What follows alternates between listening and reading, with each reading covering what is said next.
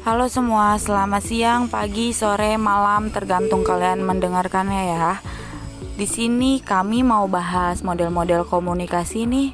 Ada di bab 4 dari buku Profesor Dedi Mulyana yang bertema ilmu komunikasi suatu pengantar. Gak ada salahnya ya sebelum kita mulai masuk ke pembahasan, kita mau introduction dulu nih diri kita masing-masing. Halo, nama aku Nisma Nagib.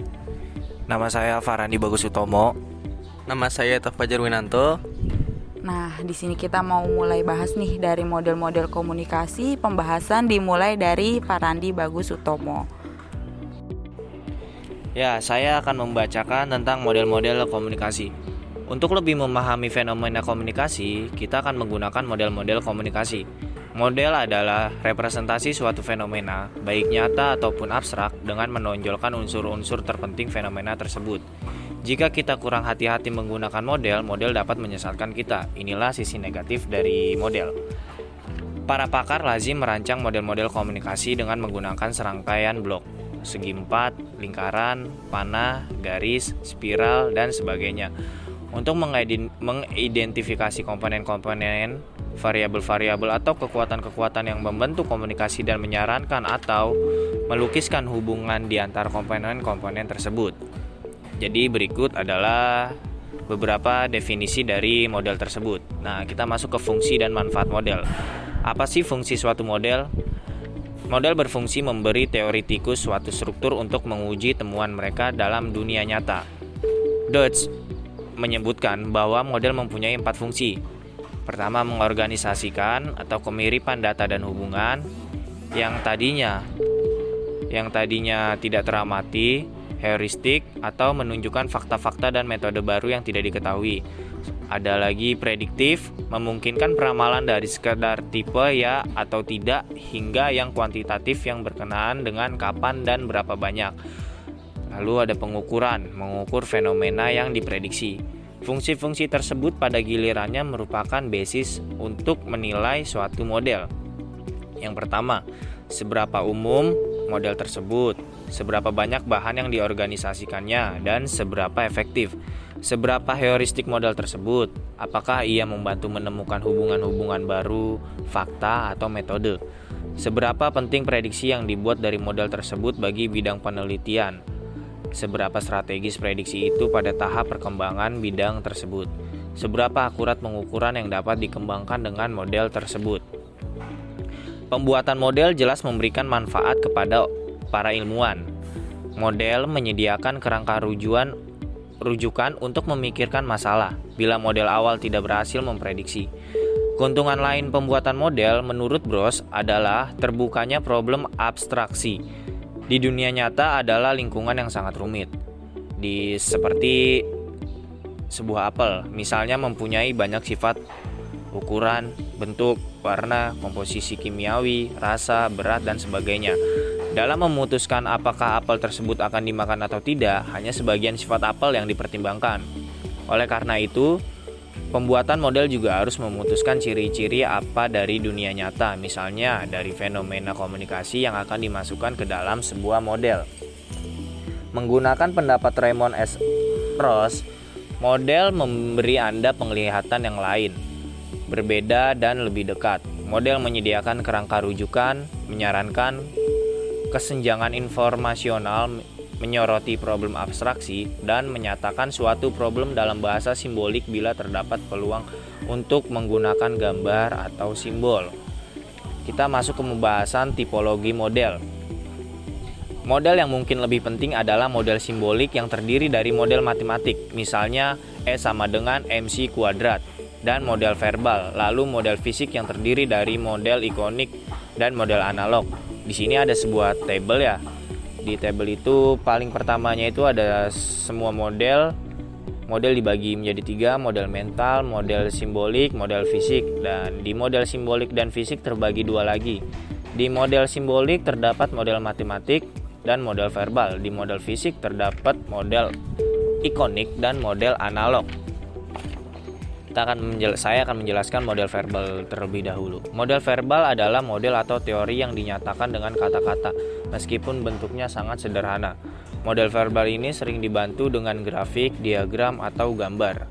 Model grafik atau model diagramatik secara secara sistematis menampilkan apa yang dapat disajikan dengan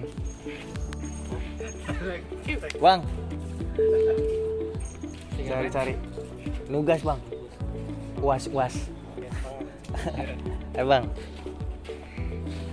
Coba ya pos dah. Itu kelok, katanya kelok. Model verbal ini sering dibantu dengan grafik, diagram, atau gambar. Model grafik atau model diagrama diagramatik secara sistematis menampilkan apa yang dapat disajikan dengan sekedar kata-kata.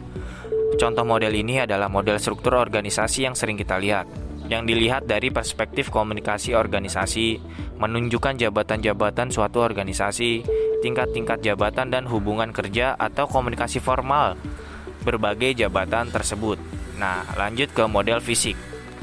Model fisik secara garis besar terbagi dua, yakni model ikonik yang menampil yang penampilan umumnya itu berupa bentuk dan tanda-tanda, menyerupai objek yang dimodelkan seperti model pesawat terbang, boneka, manekuin, atau makat sebuah gedung, sebuah kompleks perumahan dan berbagai model analog yang mempunyai fungsi serupa dengan objek yang dimodelkan.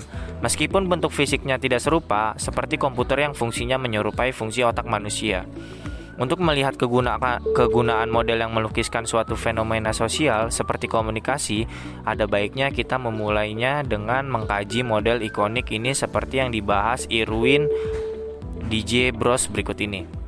Sebagian model ikonik selain menyerupai objek aslinya juga menunjukkan sebagian fungsi penting objek yang dimodelkan tersebut. Contoh terbaik model ikonik ini adalah model kendaraan seperti pesawat terbang, kapal laut, kereta api, dan mobil yang meskipun tampak rumit sebenarnya merupakan versi sederhana dari kendaraan-kendaraan tersebut yang cara beroperasinya jauh lebih rumit. Di sini Bros menyatakan model verbal punya peran penting dalam mengembangkan ilmu pengetahuan, terutama dalam tahap penjelajahan awal suatu topik atau presentasi hasil. Model verbal menghadapi banyak kesulitan karena keterbatasan bahasa dan karena itu model verbal ini sering diganti atau dilengkapi dengan model matematik yang menjelaskan fenomena secara lebih sederhana. Penggunaan model matematik ini lazim dalam mempelajari atau mengembangkan ilmu pasti alam. Model matematik jelas lebih sederhana daripada model fisik. Pengembangan model simbolik, khususnya model matematik penting dalam profesi ilmuwan di sini ada sebuah model dari dari The Floor dari model Shannon dan Weaver yang mengemukakan teori peluru komunikasi, the bullet theory of communication. Sebagai model verbal mengenai efek komunikasi pada tahun 1950-an harus merevisi modelnya tersebut dalam deko dalam dekade berikutnya karena ternyata khalayak tidak sama sekali pasif atau tidak berdaya seperti orang yang terjatuh mati karena ditembak setelah mereka diterpa pesan komunikasi melainkan jauh lebih aktif. Sejauh ini kita telah membahas terutama model-model yang mempresentasikan ilmu alam. Dan berdasarkan paradigma yang berbeda, ilmuwan sosial yang berpandangan objektif atau positivis yang menganggap bahwa ada keteraturan dalam perilaku manusia atau manusia dianggap cenderung pasif seperti perilaku alam. Tidak jarang menggunakan model matematik, misalnya dalam bentuk hipotesis yang harus diuji lewat perhitungan statistik, sedangkan ilmuwan sosial berpandangan subjektif, subjektif, interpretif dan fenomenologis yang menganggap bahwa manusia aktif biasanya lebih banyak menggunakan model verbal. Akan tetapi untuk menjelaskan fenomena komunikasi secara umum atau mendasar, kedua kubu tersebut sama-sama sering menggunakan model diagramatik sebagai salah satu versi dari model simbolik. Pada umumnya tidak ada suatu model yang berhasil yang muncul dengan tiba-tiba. Suatu model yang baik biasanya telah melewati banyak tahap ujian yang mungkin memakan waktu puluhan tahun perlu ditegaskan lagi. Tidak ada model yang sempurna atau final. Jadi berikut adalah penjelasan atau pembahasan dari saya Farandi Bagus tentang model-model komunikasi. Dan untuk pembahasan selanjutnya yang bertema model-model komunikasi suatu perkenalan akan dilanjutkan oleh saudara Iyat Aufajar. Oke, saya akan melanjutkan pembahasan model-model komunikasi yang awal tadi disampaikan oleh saudara Farandi Bagus. Seperti model pesawat terbang, model komunikasi kurang lebih adalah replika, kebanyakan sebagai model diagramatik. Oleh karena komunikasi bersifat dinamis, sebenarnya komunikasi sulit dimodelkan. Akan tetapi, seperti disarankan di muka, penggunaan model berguna untuk mengidentifikasi unsur-unsur komunikasi dan bagaimana unsur-unsur tersebut berhubungan. Kekhasan suatu model komunikasi juga dipengaruhi oleh latar belakang keilmuan model tersebut. Paradigma yang digunakan, kondisi teknologis, dan semangat zaman yang melingkunginya. Kita akan membahas sebagian kecil saja dari sekian banyak model komunikasi tersebut, khususnya model-model yang sangat populer. Model yang pertama yaitu model SR atau yang biasa dikenal oleh kita semua adalah model stimulus dan respons. Model stimulus dan respon ini adalah model komunikasi paling dasar. Model ini dipengaruhi oleh disiplin psikologi, khususnya yang beraliran behavioristik. Model tersebut menggambarkan hubungan stimulus dan respons. Model ini menunjukkan komunikasi sebagai proses aksi reaksi yang sangat sederhana. Bila seorang lelaki berkedip kepada seorang wanita dan wanita itu kemudian tersipu malu, atau bila saya tersenyum dan kemudian Anda membalas senyuman saya, itulah pola SR. Jadi, model SR mengasumsikan bahwa kata-kata verbal, lisan atau tulisan, isyarat-isyarat nonverbal, gambar-gambar, dan tindakan-tindakan tertentu akan merangsang orang lain untuk memberikan respon dengan cara tertentu. Proses ini dapat bersifat timbal balik dan mempunyai banyak efek. Setiap efek dapat mengubah tindakan komunikasi berikutnya. Pola SR ini dapat pula berlangsung negatif. Misalnya, orang pertama menatap orang kedua dengan tajam dan orang kedua balik menatap menunduk malu, memalingkan wajah atau membentak. Apa lihat-lihat, nantang ya?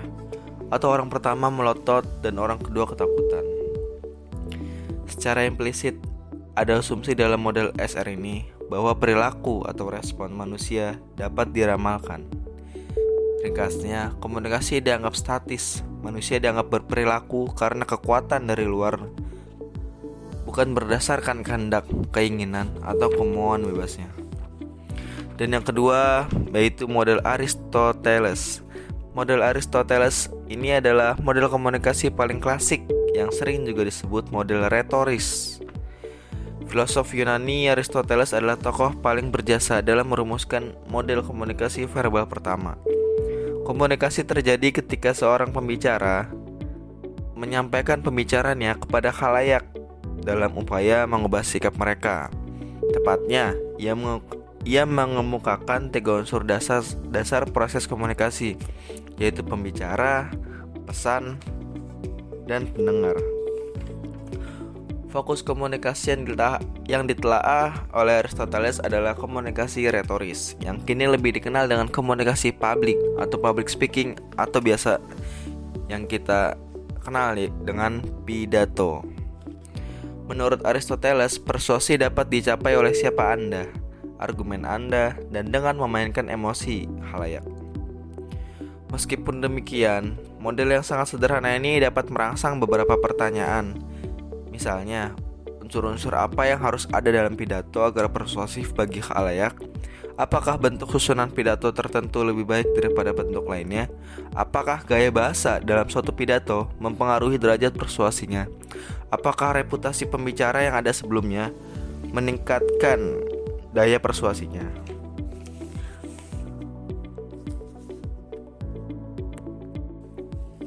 Kebanyakan model komunikasi lebih baru yang dikembangkan para ahli sejak zaman Aristoteles tetap mengandung tiga unsur yang sama. Sumber yang mengirimkan pesan, pesan yang dikirimkan, dan menerima pesan. Model selanjutnya adalah model Laswell. Model komunikasi Laswell berupa ungkapan verbal yakni who, says what, in which channel, to whom, with what effect. Model ini dikemukakan Harold Laswell tahun 1948 yang menggambarkan proses komunikasi dan fungsi-fungsi yang di, diembannya dalam masyarakat. Laswell mengemukakan tiga fungsi komunikasi, yaitu yang pertama adalah pengawasan lingkungan, kedua korelasi berbagai bagian terpisah, dalam masyarakat yang merespons lingkungan. Dan yang ketiga adalah transmisi warisan sosial dari suatu generasi ke generasi lainnya. Laswell mengakui bahwa tidak semua komunikasi bersifat dua arah dengan suatu aliran yang lancar dan umpan balik yang terjadi antara pengirim dan penerima. Ia menyimpulkan bahwa penting bagi masyarakat untuk menemukan dan mengendalikan faktor-faktor yang mungkin mengganggu komunikasi yang efisien. Dan model selanjutnya adalah model Shannon dan Weaver. Model Shannon dan Weaver ini adalah salah satu model awal komunikasi di, yang dikemukakan oleh Claude Shannon dan Warren Weaver pada tahun 1949 dalam buku The Thematical Theory of Communication. Model Shannon dan Weaver ini menyoroti problem penyampaian pesan berdasarkan tingkat kecermatannya. Model Shannon Weaver mengasumsikan bahwa sumber informasi menghasilkan pesan untuk dikomunikasikan dari seperangkat pesan yang dimungkinkan. Model Shannon Weaver dapat diterapkan pada konteks-konteks komunikasi lainnya seperti komunikasi antar pribadi, komunikasi publik, atau komunikasi massa. Dan yang selanjutnya adalah model Scrum.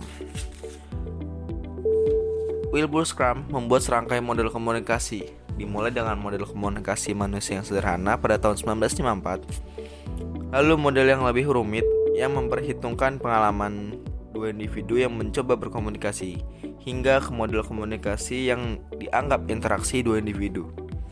Menurut Wilbur Scrum, komunikasi senantiasa membutuhkan setidaknya tiga unsur. Yang pertama sumber, yang kedua pesan, dan yang ketiga sasaran.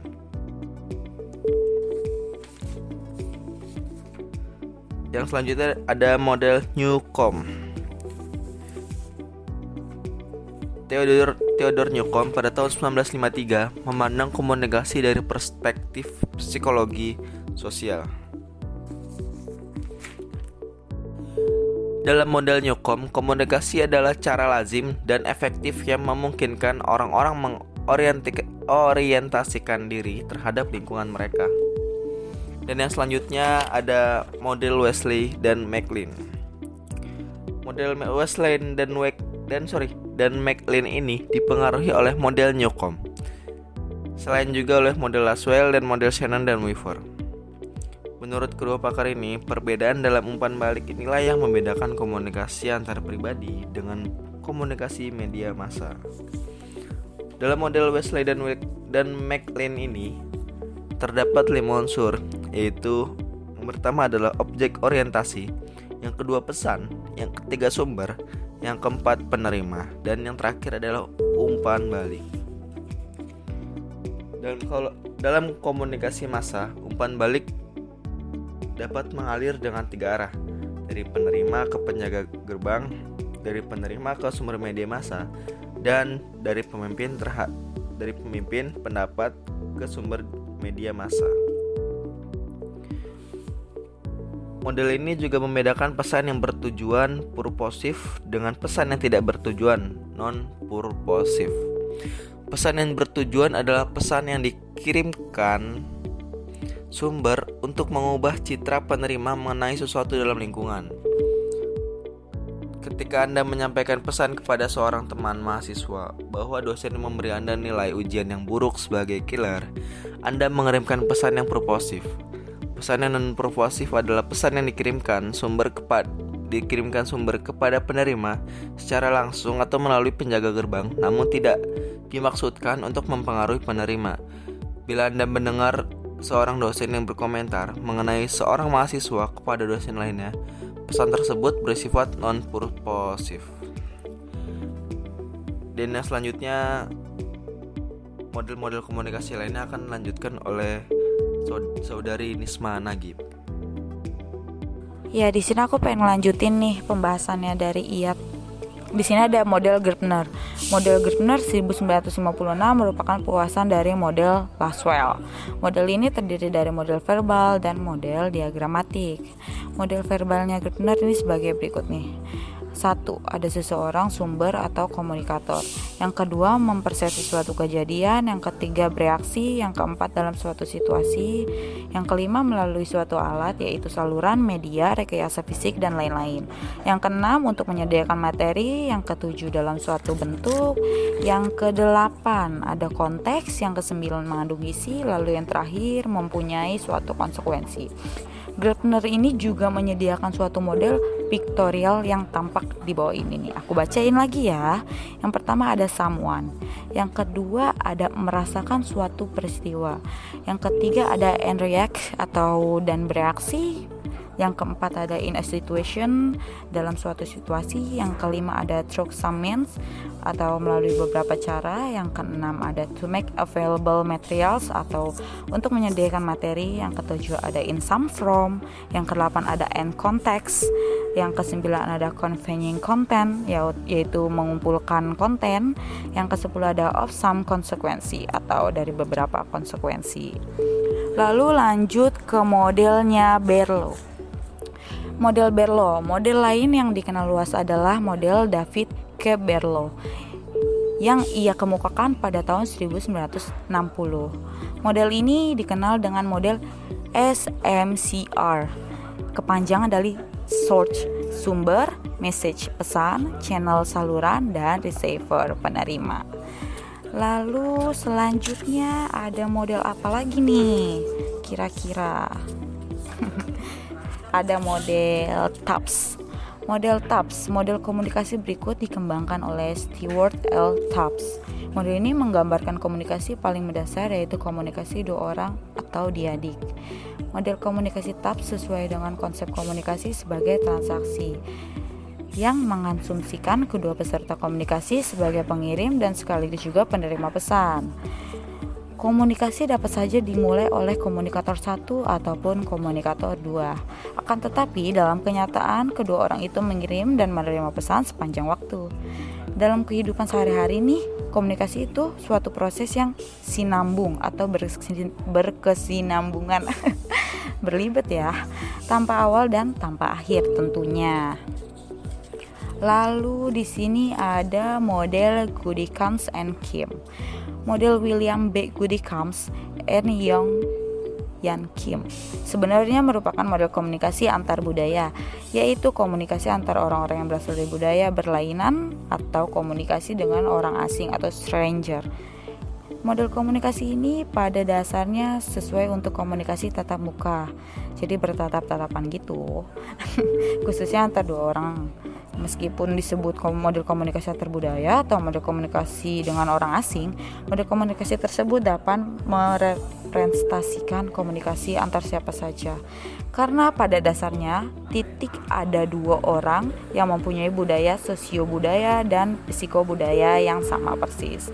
Seperti model TAPS, model Gudikans dan Kim mengasosikan dua orang yang setara dengan komunikasi, masing-masing sebagai pengirim sekaligus penerima pesan. Antar keduanya sekaligus merupakan penyedia atau encoding dan penyandian balik decoding. Lalu kita selanjutnya bahas model komunikasi siapa ya?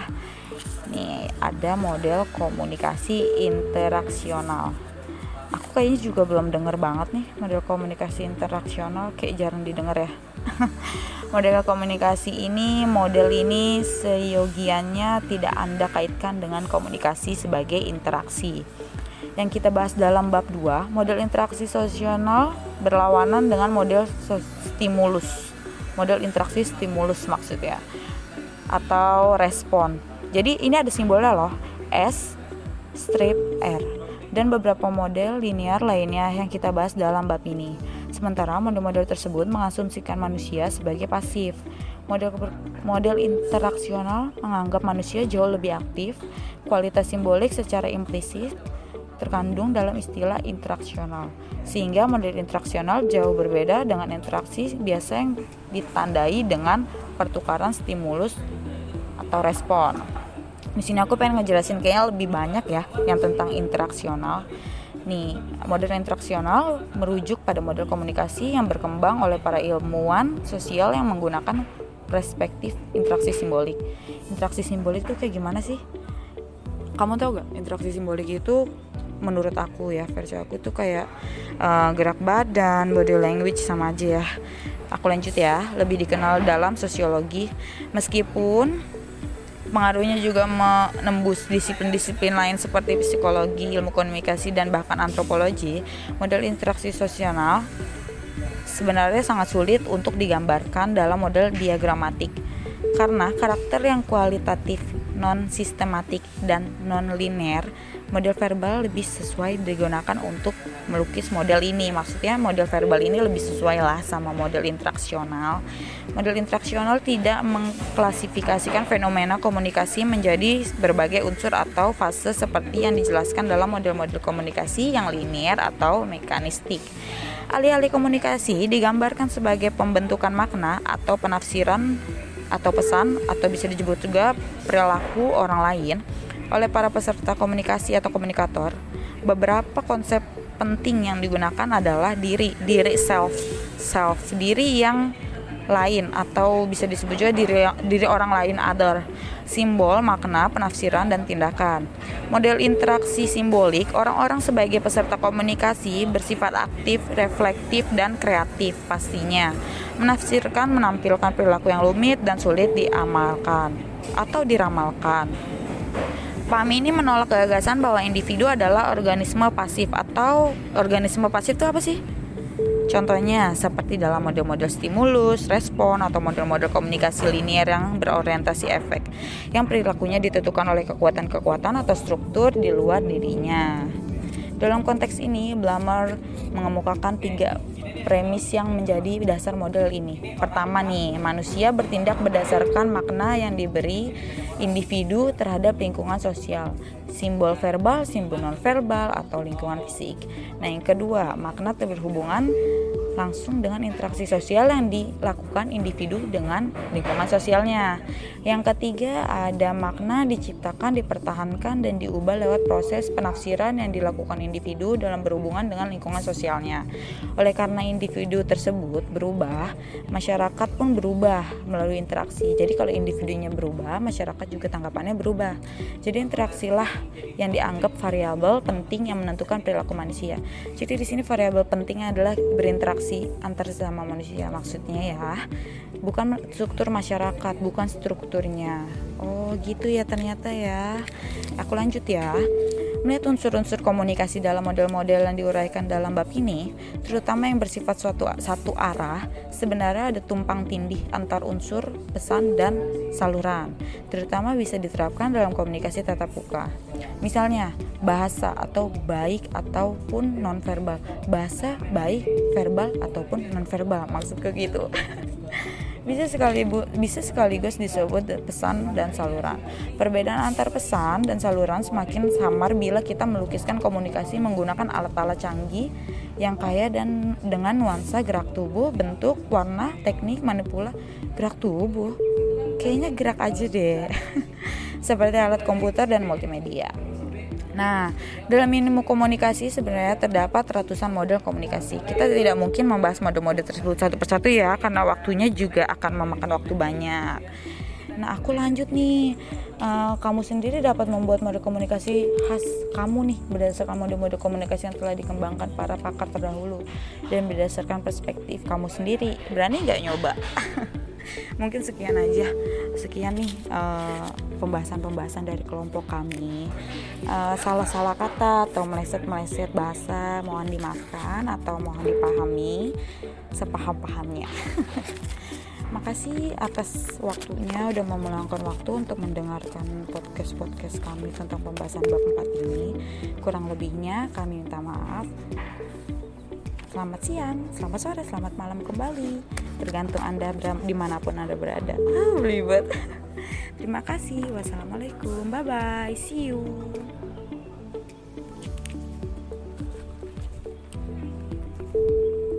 Eh, Ini belum dipotong nih.